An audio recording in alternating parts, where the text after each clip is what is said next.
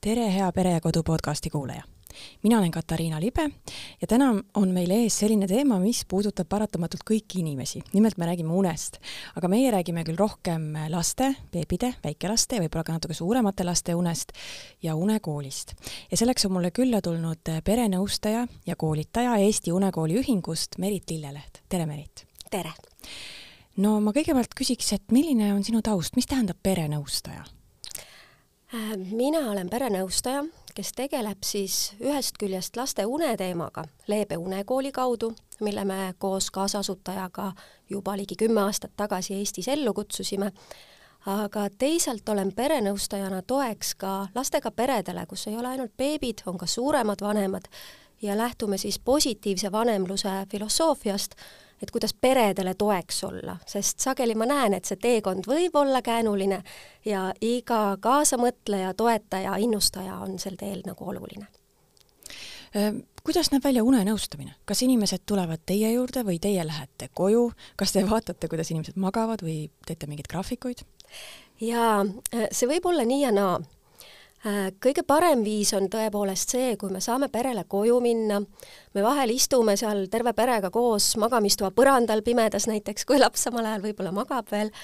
Ähm,, ja, ja vaatamegi kodus üle, milline on see magamiskeskkond, millised on need võimalused ja saame kogu perega, sageli, mitte sageli, vaid peaaegu alati on kogu pere nagu kambas, ei ole nii, et ainult ema räägib või ainult isa räägib.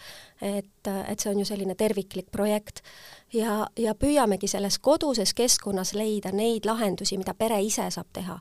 et ei peaks pöörduma kas kuskile arsti juurde või, või, või midagi, midagi nagu suuremat sekkumist tegema äh, viimastel aastatel, kui on siin need erinevad piirangud olnud, siis väga suures osas oleme ka kolinud online'i üle, et saame nõustamisi teha ka üle, üle neti. meil ei ole siis ainult Eesti pered, ainult Tallinnast ja Harjumaalt, vaid ongi Soome, Itaalia, Brüssel, Moskva, erinevad kohad on olnud, et et ei ole ainult lapse magamistoas, oleme ka üle üle üle maailma, kus vaja on. aga tõepoolest ka üle interneti saab teha nagu suurepäraselt vanematele seda nõu pakkuda, et nad saavad kodus päris ise seda teha, et kui see magamisprobleem siis peitubki seal mingis aspektis seal keskkonnas, siis mis need tavaliselt eh, mured keskkonnaga seoses on? jaa, hea une üheks vundamendikiviks ongi turvaline magamiskeskkond ja me saamegi perega läbi rääkida, kus laps magab ja kas see on nagu kõigile sobilik. et meie unekooliga ei ütle, et laps peab nüüd kindlasti oma toas magama või peab kindlasti oma voodis magama, küll aga me soovitame või ütleme, et see peab turvaline olema lapse jaoks ja et ta peab saama võimaluse unne pusida ennast seal, kus ta siis terve öö magab ka. et kui see on vanemate voodis, siis noh, siis nii on, kui see turvaline on, aga et eh, me ei pea heaks viisiks, et teda siis salaja ümber tõsta mingil hetkel nagu sinna lapsevoodisse, et see ei ole nagu jätkusuutlik. Hmm.. aga siiski seda vastupidist varianti on vist eh, enamus vanemaid ära tundnud, et, et, et minnakse magama kahekesi, aga ärgatakse neljakesi. ja, ja, ja, ja no me tegelikult ütlemegi, et kui see on kogu perele sobilik variant ja on turvaline ka, siis, siis nii võib olla, sest meie pered on erinevad, meie vanemlusfilosoofiad on erinevad, et, et siin ei ole nagu ühte kindlat reeglit. aga, aga no eks võiks ju arvata, et kvaliteetsem uni on siis, kui igaüks saab seda nagu omaette teha, et aga kui nüüd ma hakkakski sellest probleemist kinni, et noh, et lapsele see kindlasti meeldib, aga vanematele see tihti ei pruugi meeldida, et tegelikult ei saa ju väga hästi välja magada, kui on kitsas voodi ja seal on väga palju inimesi. et äh, kuidas siis seda probleemi hakatakse lahendama, et laps ei liiguks siis iga öö oma voodist vanemate voodisse? ja see ongi üks tegelikult selliseid suuremaid probleeme, millega pered ka pöörduvad. Mm, väga sageli pöörduvad meie poole isad hoopis, mitte emad. sest emad, noh, ma ei teagi, kas on tegelikult väsinud ju ka ähm,, aga võib-olla isad näevad veidi kõrvalt seda pilku ja näevad, et kogu see tervik võib-olla ei toimi, et võib-olla nädal aega toimiks, aga aastad on ju ees. ja me saamegi kogu perega teha nagu sellise hea uneprojekti, et mida siis ette võtta, kas noh, näiteks see lapse oma voodisse kolimine, siis me räägime läbi, millal ette võtta, kes on sinna kaasatud, mis on nagu isa roll, mis on ema roll, et mitte omavahel veel tülli minna äh, ja tegelikult ka mõelda läbi, mis on need toetusmeetmed siis sellele lapsele. et me eeldame temalt midagi, aga noh, kuidas me teda toetame selles, et ei saa ju lihtsalt öelda, et kuule, me nüüd otsustasime, et nüüd meil nii on. et, et see on selline kogu pere nagu kaasav projekt aga ilmselt ta siis ikkagi ärkab öösel sellel kellaajal ikka edasi, eks ole, et siis lihtsalt tuleb sellega tegeleda, et kuidas ta nüüd siis ei liigu ühest voodist teise, vaid jätkab und oma voodis jaa, see, et lapsed öösel ärkavad, on täiesti normaalne ja võib-olla see on ka üks unekooli nagu missioon, et äh, normaliseerida seda olukorda, et haa, et nad on lapsed, nad magavadki nagu lapsed, et lapse uni ongi keerukas, et, et me ei pea nagu liigselt vastutust võtma. aga selle öise ärkamise puhul võib-olla kõige suurem äh, ankur on seal, et kuidas toimib nagu, kuidas toimub õhtune magama jäämine, kus ja kuidas see toimib. see annab nagu pitseri kõigile nendele öistele ärkamistele ka. nii et, et tegelikult, kui me seda unekooli projekti teeme, siis me paneme nagu selle fookuse just sinna äh, magama jäämise juurde. kui see on tehtud turvaliselt äh, kindlates tingimustes, siis on suurem tõenäosus, et laps küll öösel ärkab, ärkamised on normaalsed, aga et ta tuleb nendega nagu paremini ise toime ka ja teab, mida siis teha, mitte ei ole segaduses kui me läheme sinna keskkonna juurde tagasi, siis kas on veel mingeid selliseid asju, mida kõik saaksid ise oma kodus üle vaadata, et ma ei tea, õhutus oleks näiteks või? jaa, muidugi. Äh, esimene asi on temperatuur see võib olla pigem madalam kui argipäevane arg-, äh, päevane temperatuur, isegi kaheksateist kraadi, no kuni kakskümmend kraadi. Äh, teine väga lihtne asi, mida me saame muuta, on pimedus ja valgus. me räägime, et leia päeval võimalikult palju viise, kuidas päevavalgust nautida, mitte nagu praegu on midagi halli siin keset päeva väljas. kas või kasutada lampe rohkem Äh, see annab meile võimaluse ka öösel seda pimedust paremini oma une heaks nagu ära kasutada.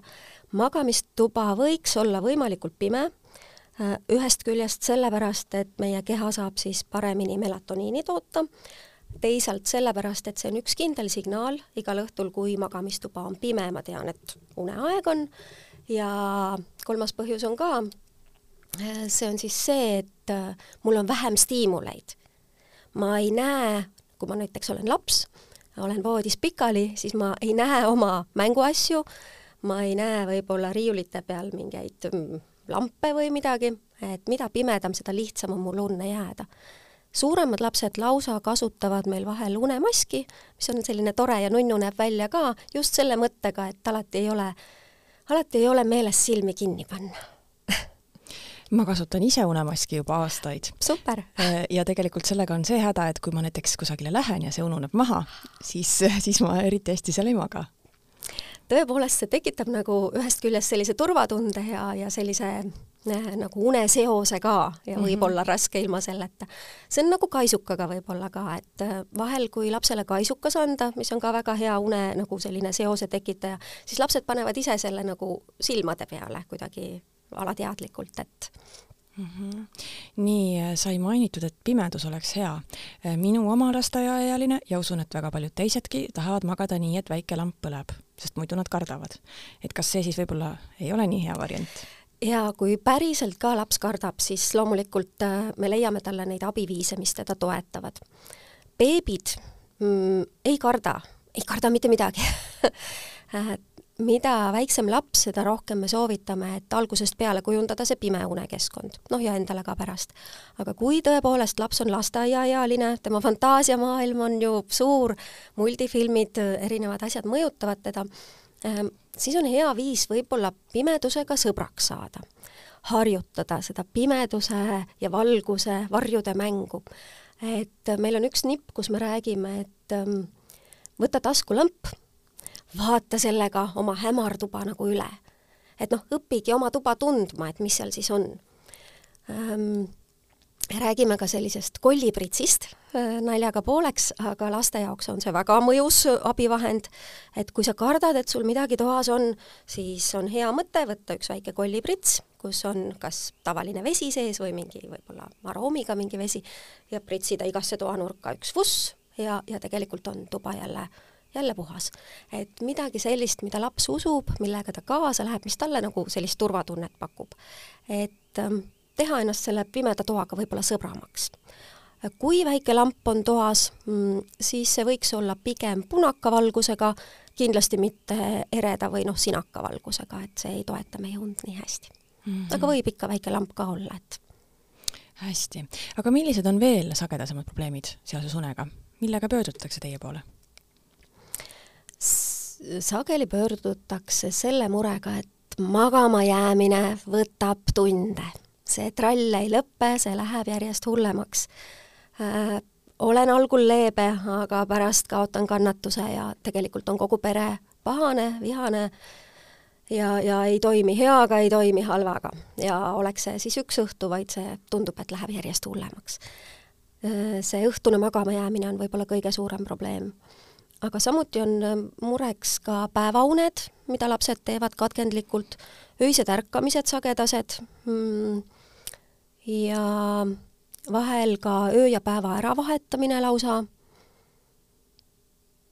ja, ja võivad ka tõesti need hirmuunenäod olla teemaks, et, et need on sellised levinumad laste unehäirete tüübid, mis on lapse eas tegelikult nagu üsna tavalised, et ma siis hakkakski kinni sellest hirmuunenägudest, et kindlasti kõik vanemad on kogenud seda, et mingil hetkel laps on siis üles ärganud õudusunenäoga, aga kui see, ütleme, et kust maalt see muutub probleemiks, et seda juhtub korra, ma ei tea, paari kuu jooksul, siis on see ju normaalne ma eeldaks. jaa, unenäod on normaalsed ja, ja see on ka normaalne, et me neist ärkame ja, ja noh, võibki emotsioon üleval olla.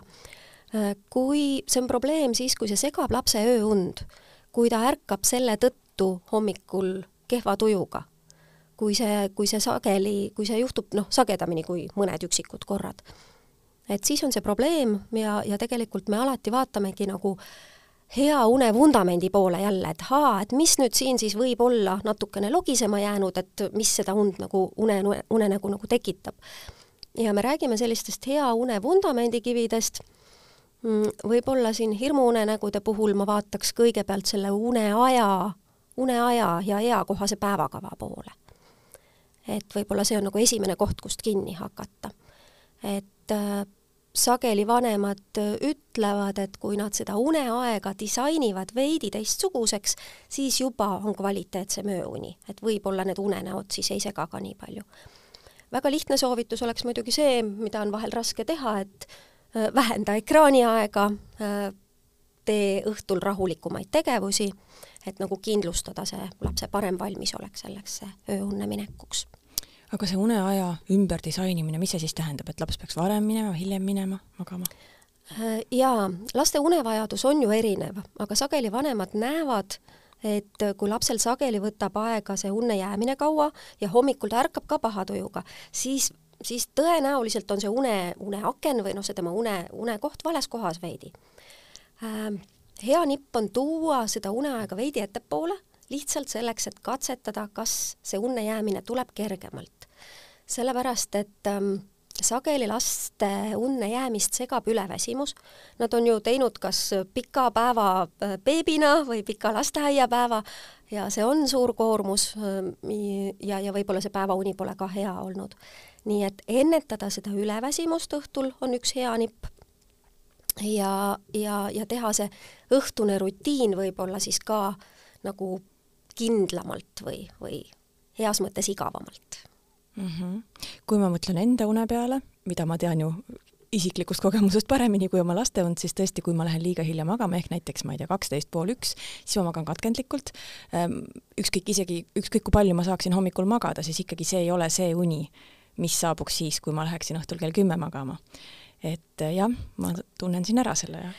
jaa, on sellised kindlad une, une, me nimetame neid nagu unerongi ajad, et rong ju läheb ka plaani järgi, mitte mm -hmm. siis, kui mina voodisse heidan, on ju.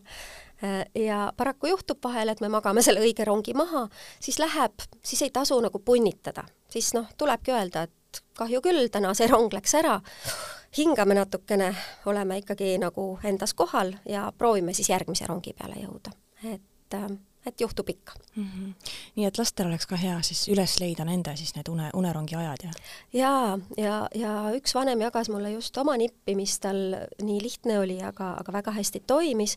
selleks, et nemad jõuaksid oma õigele unerongile, nad kõigepealt katsetasid nädala jooksul, et noh, mis see parim aeg on, ja siis nad panevad siiamaani õhtul, neil peres läheb kell kaheksa äh, endale alarm nagu märguandeks, et kell kaheksa hakkab vaikne tund nende peres kogu pere siis äh, tuled pannakse hämaramaks, ekraaniaega enam ei ole, ka vanematel mitte, sest meie vanematena saame ka eeskujuks olla ja, ja sellel viimasel tunnil siis toimubki selline mõnus nagu pidurdamine nagu päevast, et natukene rahulikumaks minemine. pannakse mingi hea äh, rahuliku muusikaplaat või mingid vaalahääled või, või midagi sellist rahustavat. siin ma alati naeran, et äh, see on pigem vanematele rahustav võib-olla et meie nagu suudaksime paremini selle õhturutiini teha. ja tehakse kogu perega midagi koos see viimane tunnikene.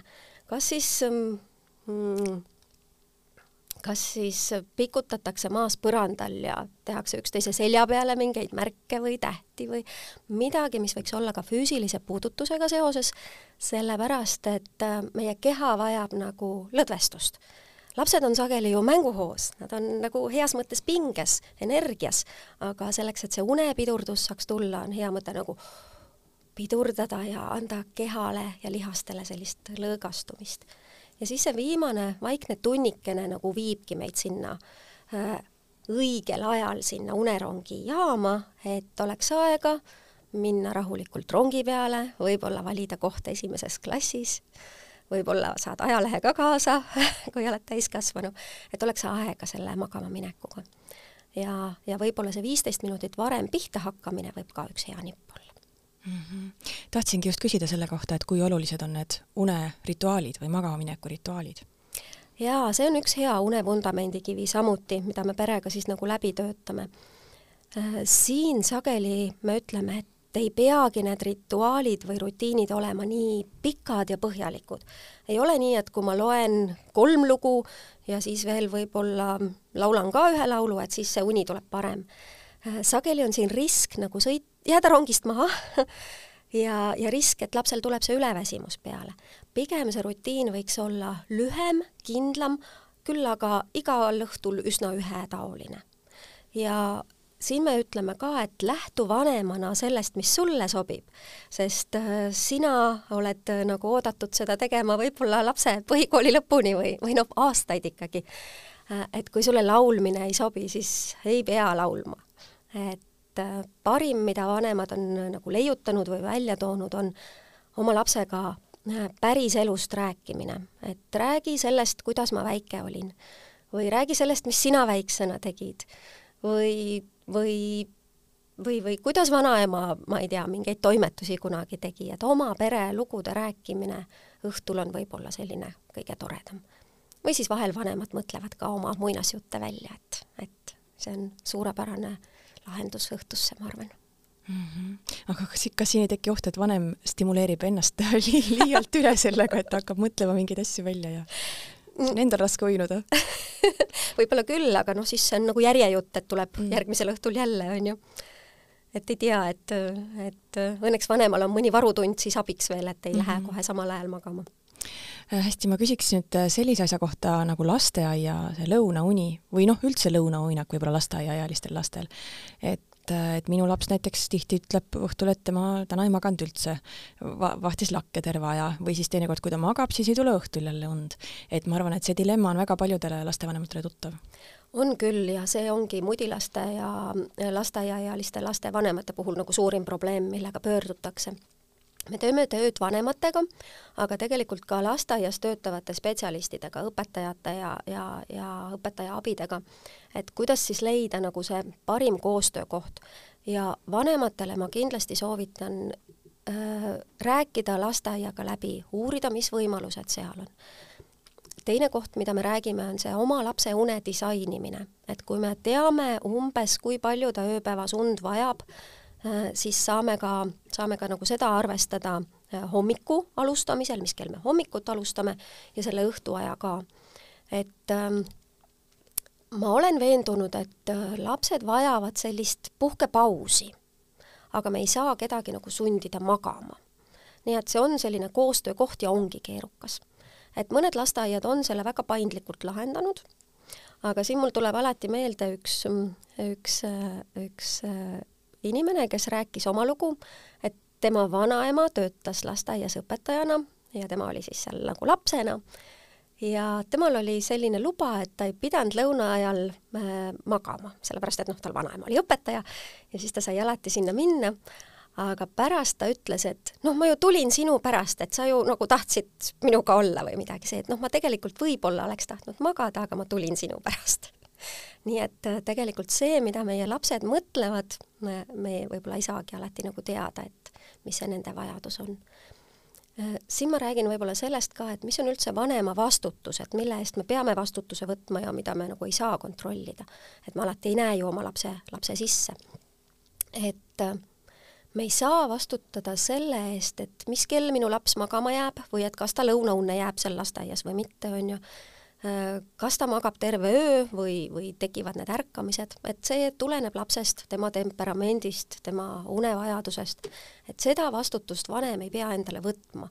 et see sageli on vanemale nagu olnud kergenduseks, et ah, et huh, küll aga, mis me vanemana nagu oleme äh, kohustatud tegema, on kindlustada see lapse äh, hea ja tugev unevundament, et ta saaks selle eakohase päevakava, et ta saaks turvalise magamiskeskkonna, et mina teen õigel ajal need rutiinid ja, ja siis on, äh, siis on lapsel võimalik omal moel siis oma väljakutsetega nagu toime tulla mm. -hmm. nii et kui laps ei maga lasteaias lõunaund, siis, siis lihtsalt ei maga? siis nii on. Äh, mis me saame teha, saame kujundada seda õhtust unnejäämise aega ja, ja, ja ka hommikust ärkamist. aga milline see soovitus siis lasteaiaõpetajatele on, et kas need lapsed peaksid ikkagi, kes ei taha magada, kes ei jää magama, peaksid ikkagi pikali olema voodis või, või võivad nad mingeid vaikseid tegevusi teha kuskil kõrval? Äh, mina soovitaks anda see võimalus äh, vaikseks tunniks ikkagi et ikka võib pikutada, aga kui siis mingi aja pärast und ei tule, siis võib olla see võimalus teha midagi rahulikku mm. -hmm. milline on üldse laste unevajadus vanuseti? jaa, siin on ju erinevaid tabeleid ja, ja, ja erinevaid teooriaid, aga lapsed ma-, vajavad und pigem rohkem kui vähem. väikesed lapsed juba kolmteist tundi ka, neliteist tundi beebid, aga lasteaialapsed ligi kümme tundi kindlasti mm. -hmm. aga teismelised? teismelised ju kasvavad ja tegelikult ka teismelised ikka veel vajavad mitte kaheksa tundi und nagu meie täiskasvanuna, vaid pigem ka sinna kümne kanti.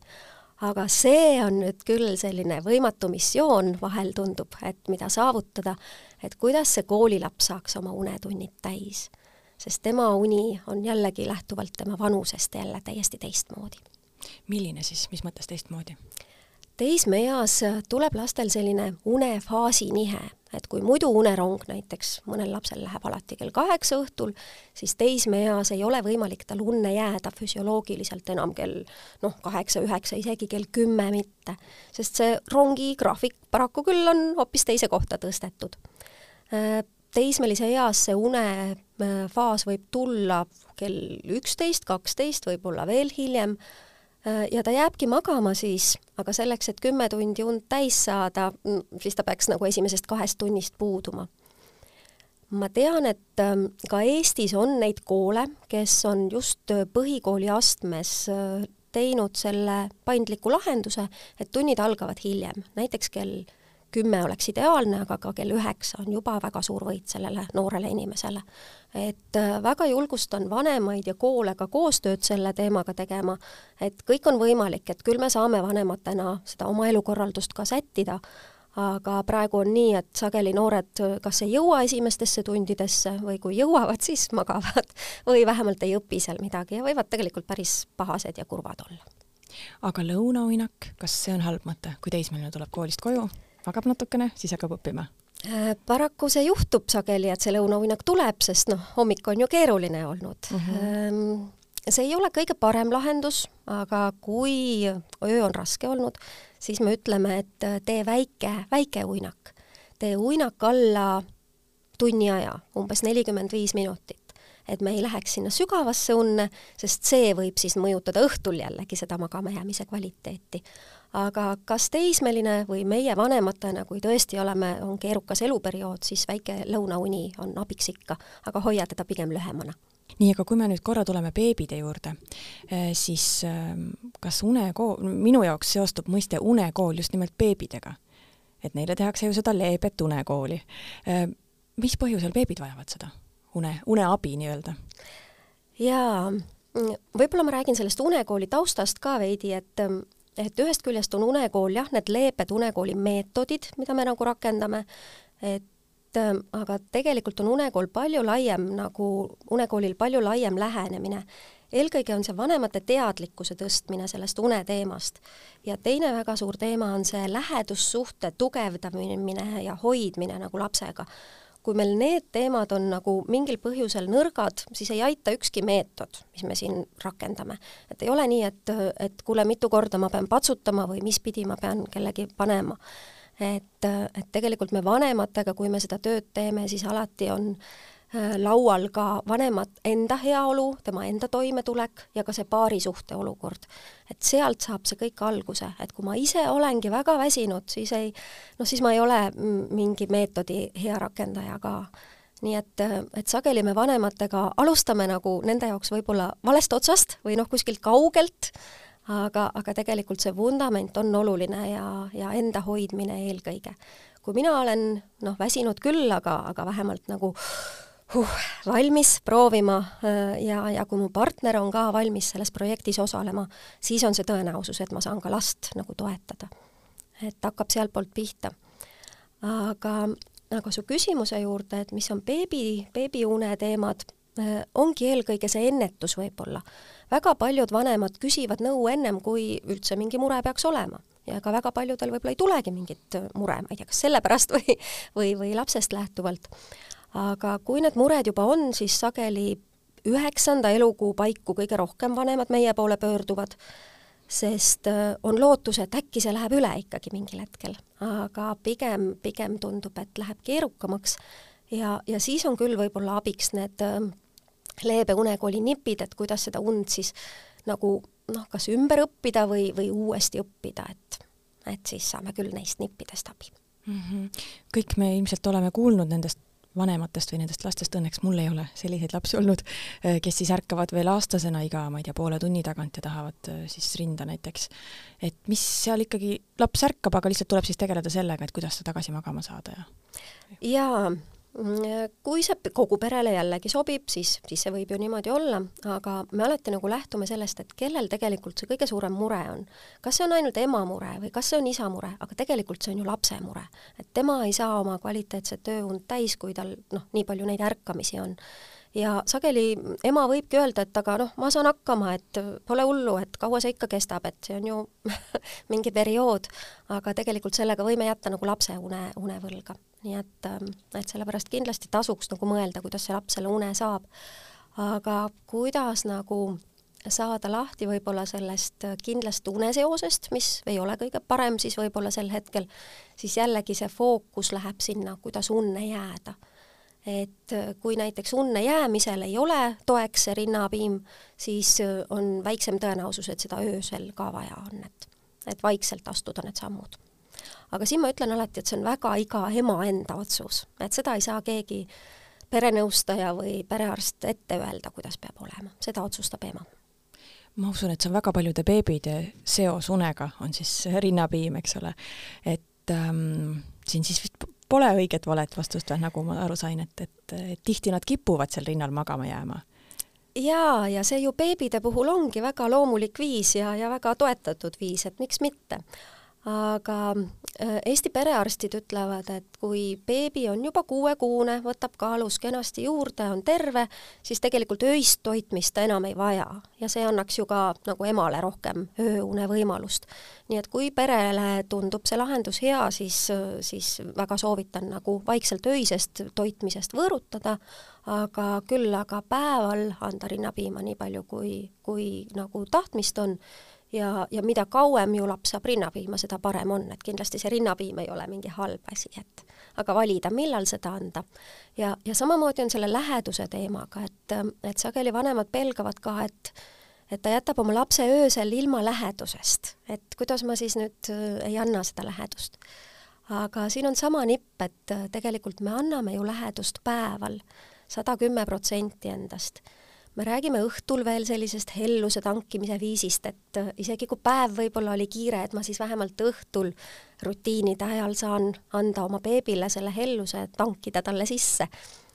Äh, ja siis tegelikult on ju eeldused siis öö võib olla puhkamiseks nagu kõigile mm. -hmm nii, aga ma arvan, et päris paljudele emadele see on päris keeruline, et kuuekuune laps siis enam öösel ei söö. et millised need ähm, öisest söömisest võõrutamise nipid on? Jaa, jällegi nagu ma ütlesin, et äh, esimene punkt on see, et mitte siis teha uneseost, unne jäämist, esimest unne jäämist õhtul, mitte seda teha rinnaga. võib anda, anda rinnapiima ikka, aga me räägime sellisest hambapesuajast siin.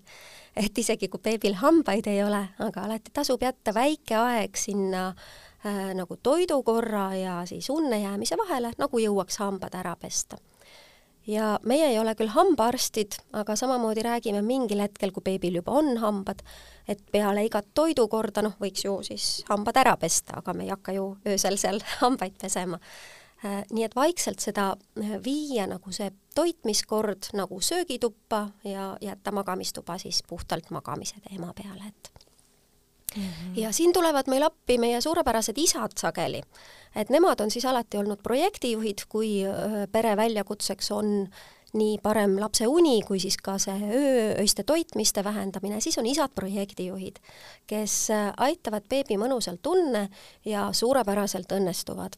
et meil on mõned toredad lood, kus näiteks pere teeb kokkuleppe, et öö esimesel poolel on siis nagu isa äh, lapsega projektijuht ja siis öö teisel poolel siis on ema, et noh, et öö teisel poolel siis mõned rinnapiimakorrad on võib-olla veel vajalikud, on ju.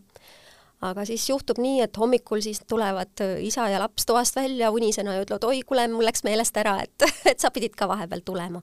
et tegelikult, kui me loome turvaliselt selle keskkonna, kus on võimalik õnnestuda, siis, siis lapsed on nagu marukiired kohanejad ja, ja tegelikult, tegelikult võib see kenasti õnnestuda aga seda ei pea tegema, kui ei ole seda valmisolekut ja enda veendumust, et, et kindlasti mitte ei pea kuulama, äh, mida kuskil räägitakse või mida, kuidas minu sõbranna lapsed magavad, et, et see on tõesti hästi enda, ema enda otsus. nii et unekool tuleb teemaks siis, kui, kui ema jaoks on see probleem ja ta soovib seda lahendada, jah? just, kui ema või isa näeb, et tervel perel on probleem ja et see ei lähe nagu paremaks küsin nüüd nii, et kas on mingeid nippe, kuidas saada lapsi kauem magama? jaa, väga tore küsimus. tõepoolest, me näeme oma praktikast ja, ja tegelikult on ka uuringud kinnitanud, et paremini või kauem magavad need lapsed, kes veedavad sagedamini aega koos perega. me räägime näiteks ju sellest lapse juhitud mängust ja mängi lapsega iga päev kümme-viisteist minutit, et see lapsele pühendatud aeg on nagu kulda väärt selline tööriist samamoodi kauem magavad lapsed, kelle pereliikmed hoolivad neist ja aitavad mure korral, kuulavad, mõtlevad kaasa. ja ka need lapsed, kes saavad nagu osaleda oma elu puudutavate otsuste tegemisel, teha kas või valikuid, et kas panna sinised sokid või punased sokid, kas panna kiisuga pidžaama või, või jänguga pidžaama. selline valikute andmine on vanematele hea tööriist. ja laste heaolu uuringust tuli välja ka see nipp veel, et paremini magavad ka need lapsed, kelle õpetaja hoolib neist ja, ja pöörab neile veel rohkem tähelepanu. nii et neid tegureid, kuidas me lapse und saame toetada, on nii kooli, lasteaia keskkonnas kui meil perena nagu tervikuna. et äh, sellepärast me räägimegi, et hoia ennast äh, leia seda aega, et sa saaks ilma töömõteteta, ilma majandusmuredeta päriselt lapsega kas või need kümme-viisteist minutit nagu kuulata, vaadata talle silma, nagu päriselt kohal olla. nii et ei ole samal ajal kas telefon kuskil või midagi helisemas.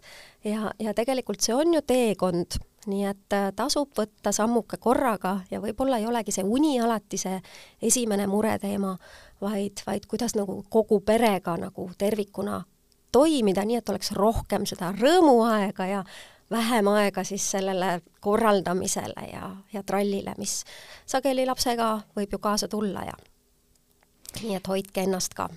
nii et ma saan aru, et, et paremini mag-, magavad need lapsed, kellel on siis vähem nagu stressi või ärevust elus. nii lihtne see ongi, on ju, eks ole. nii et äh, võib-olla ei pea alati mingit unekooli nippi kohe rakendama, vaid tegelikult mõtlema kogu pere kui terviku peale, et kuidas meie pere veel paremini toimiks, kuidas rohkem seda rõõmuaega oleks. sest väljakutseid jagub ikka hästi, aga ma täiesti lõpetuseks küsin seda, et miks üldse on uni oluline või miks on hea uni oluline, mida uni annab siis äh, tervisele või kehale? Jaa, uni on üks selline valdkond, mida teadlased minu arvates siiamaani kõige rohkem uurivad ja, ja häid äh, lahendusi veel ei ole. aga une erinevad etapid annavad siis ähm, meie erinevate neuronite taastamist, äh, laste jaoks on uni oluline eelkõige selle kasvuhormooni vabanemise pärast, lapsed unes kasvavad, nagu vanarahvas juba teadis. ja, ja kõik meie keharakud ka taastuvad une ajal just aga teisalt on väga oluline ka selline kergem uni, mida lasteeas on palju, mis äh, kirjutab nagu kõva ketta ümber. et me saame ju päeval nii palju kogemusi, elamusi, muljeid, aga selleks, et need nagu talletuks ja minu olulised seosed nagu tekiks, selleks on vaja siis ka teatud unetüüpi, et, et need salvestuksid meie, meie kõvakettale ja jääksid meile meelde nii et äh, jällegi karumõmmil sealt karuaabitsast oli õigus, kui ta pani aabitsa endale padja alla, et öösel siis need teadmised kuidagimoodi tulevad meile nagu, jäävad meelde. kas sellest tekivad ka unenäod? Et need teadmised või need päeval saadud info kuidagi paigutub ümber või? jaa, jaa muidugi ja laste jaoks on ju seda päeval saadud infot palju rohkem kui meil. me oleme juba harjunud, isegi kui on üllatavad uudised, siis miski enam väga ei üllata, on ju. aga laste jaoks on need elamused ja kogemused ikkagi väga suur asi, et see, kui laps magab öösel ja kui teda vaadata, kui ta samal ajal siis liigutab kätega, silmad võivad lahti isegi olla, siis tema keha tegelikult teeb tööd et kui mõõta meie keha toimimist öösel, siis me ei ole nagu pausil, vaid tegelikult aju teeb väga suurt tööd öösel ka. et kõik töötab ja mõtted liiguvad, et. hästi, aitäh, Merit! aitäh! aitäh, armas kuulaja, et meid ära kuulasid. loodan, et oli ka sinu jaoks huvitav vestlus. järgmine saade on meil üle, äh, üleval nädala pärast ja kõik meie saated on nüüd leitavad ka Delfi taskust